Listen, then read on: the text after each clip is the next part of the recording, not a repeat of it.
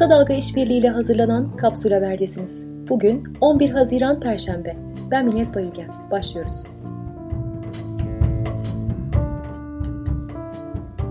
Türkiye ile Kuzey Kıbrıs Türk Cumhuriyeti arasında inşa edilen denizden su taşıma hattının onarımı için 499 milyon bedelle açılan ihalede en düşük fiyatı 483,3 milyon teklif eden Kalyon İnşaat verdi.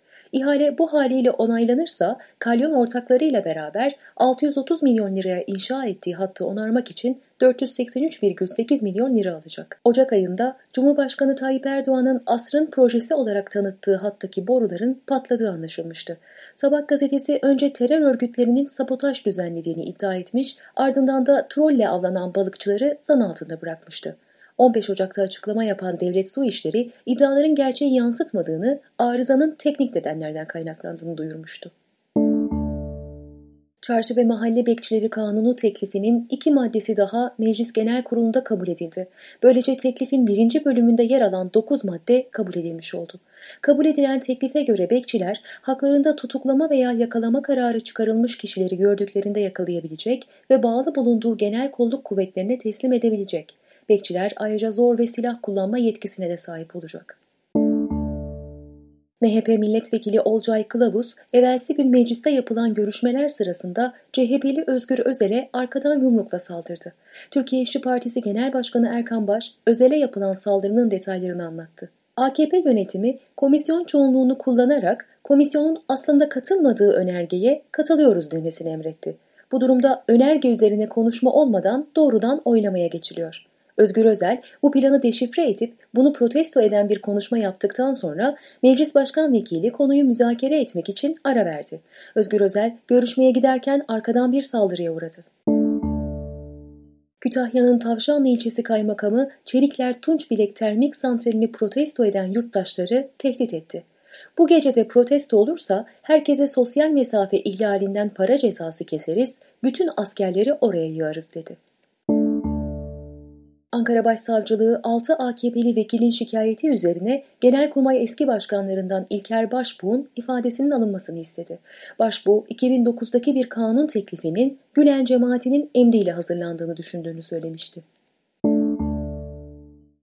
Türkiye'de 3 milyar 261 milyon 500 bin dolarlık yatırım yapan 9011 yabancı Türkiye Cumhuriyeti vatandaşlığı almaya hak kazandı. Türkiye A milli futbol takımının eski oyuncularından Colin Kazım Richards, ırkçılıkla her an mücadele edilmesi gerektiğini söyledi. Bir keresinde Türkiye ile Euro 2008'e katıldıktan sonra İngiltere'de kelepçelenip yere yatırıldım dedi. Hülya Koçyiğit'in damadı Ender Alkoçlar, Konyaaltı sahili ihalesinin iptali üzerine Danıştay'a başvurmuştu. Danıştay'ın yerel mahkemenin kararını bozması üzerine sahilin işletmesi tekrar Alkoçlar Turizm'e geçmiş oldu. Cumhurbaşkanlığı kararıyla 41 ilin valisi değiştirildi. Görev yeri değiştirilen valiler arasında Mardin Belediyesi'ne kayyum olarak atanan ve bazı bakan ve AKP'li vekillere 600 bin liralık hediye aldığı ortaya çıkan Vali Mustafa Yaman da bulunuyor. İyi Parti Genel Başkanı Meral Akşener son günlerdeki Ayasofya tartışmasıyla ilgili konuştu. Bu arkadaşlar 18 yıldır sıkıştıklarında Ayasofya'yı gündeme getirir. Samimiler mi diye merak ettik, araştırma önergesi verdik. Bilin bakalım ne oldu? AK Parti red oyu verdi. Rus Ortodoks Kilisesi Dış İlişkiler Sorumlusu Metropolit İlarion, Ayasofya cami olarak ibadete açılırsa Türkiye'de dinler arası denge ciddi biçimde bozulur, bizi de üzer diye konuştu. Hürriyet'in genel yayın yönetmeni Ahmet Hakan, Cuma günleri Cuma sayfası yayınlanacağını duyurdu ve şöyle söyledi. Cuma sayfası ahlakı, fazileti, erdemi, iyiliği öne çıkaracak. Sırada güncel COVID-19 verileri var.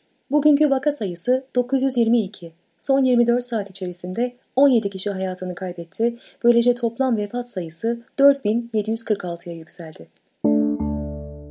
Sağlık Bakanı Fahrettin Koca, bilim kurulunun ardından düzenlediği basın toplantısında vakaların %60'ının İstanbul'da olduğunu söyledi. İstanbul ve İzmir'de vaka sayısının azaldığını aktaran Koca, Ankara'daki yükselişte bugün itibarıyla düşüş gözlendiğini belirtti.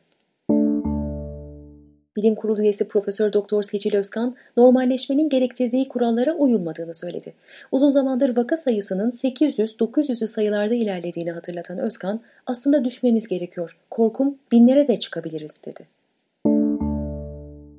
Dünya Sağlık Örgütü salgınla ilgili çalışmaların COVID-19 hastalarının kendilerini iyi hissetmemeye başladıkları anın en bulaşıcı dönem olduğunu ortaya koyduğunu açıkladı. Pan Amerikan Sağlık Örgütü, koronavirüsün Latin Amerika'nın pek çok bölgesinde katlanarak arttığı uyarısında bulundu. Şu an dünya çapındaki COVID-19 vakalarının neredeyse yarısına yakını Latin Amerika'da. İçişleri Bakanlığı valiliklerden toplu askere uğurlama konusunda tedbir almasını, yasağa uymayanlara işlem yapılmasını istedi. İsveç Başsavcılığı 34 yıl önce başkent Stockholm'da öldürülen eski başbakan Olof Palme'nin katil zanlısının Stig Engström olduğunu açıkladı. Tek başına hareket ettiğine inanılan Engström 2000 yılında intihar ettiği için soruşturma kapatıldı. Kolombiya polisi Türkiye'ye gönderilecek yaklaşık 5 ton kokaini ele geçirdi. Piyasa değeri 265 milyon dolar olan kokain, Kolombiya polisinin pandemi döneminde ele geçirdiği en büyük uyuşturucu miktarı. Bugüne dek Covid-19 vakasına rastlanmayan İtalya'nın Calabria bölgesindeki Sinkefrondi kasabası sakinleri evlerini teminatsız olarak 1 euro bedelle satışa çıkardı. Kasabalılar satış ilanını virüssüz köy başlığıyla verdi.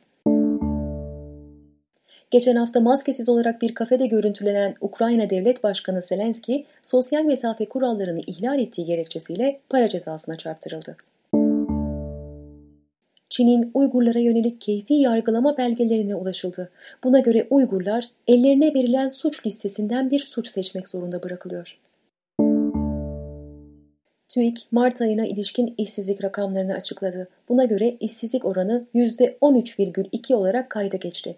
15 ve daha yukarı yaştaki işsiz sayısı ise geçen yılın Mart ayına göre 573 bin kişi azalarak 3 milyon 971 kişi oldu. CHP, TÜİ'nin açıkladığı işsizlik rakamlarına tepki göstererek gerçek işsiz sayısının daha fazla olduğunu savundu. Danıştay İdari Dava Daireleri Kurulu 15. dairenin bankalar için verdiği hesap işletim ücreti iptali kararını bozdu. Böylece bankaların hesap işletim ücretini alabilmesinin yasal olarak önünde bir engel kalmadı. Türk Hava Yolları'nın bugün yeniden başlaması planlanan yurt dışı uçuşları gerekli izinler henüz alınamadığı için ertelendi. Günün sözüyle kapatıyoruz. Bilim Kurulu üyesi Profesör Doktor Levent Yamanel. Normalleşme sürecini insanlar çok yanlış anladı.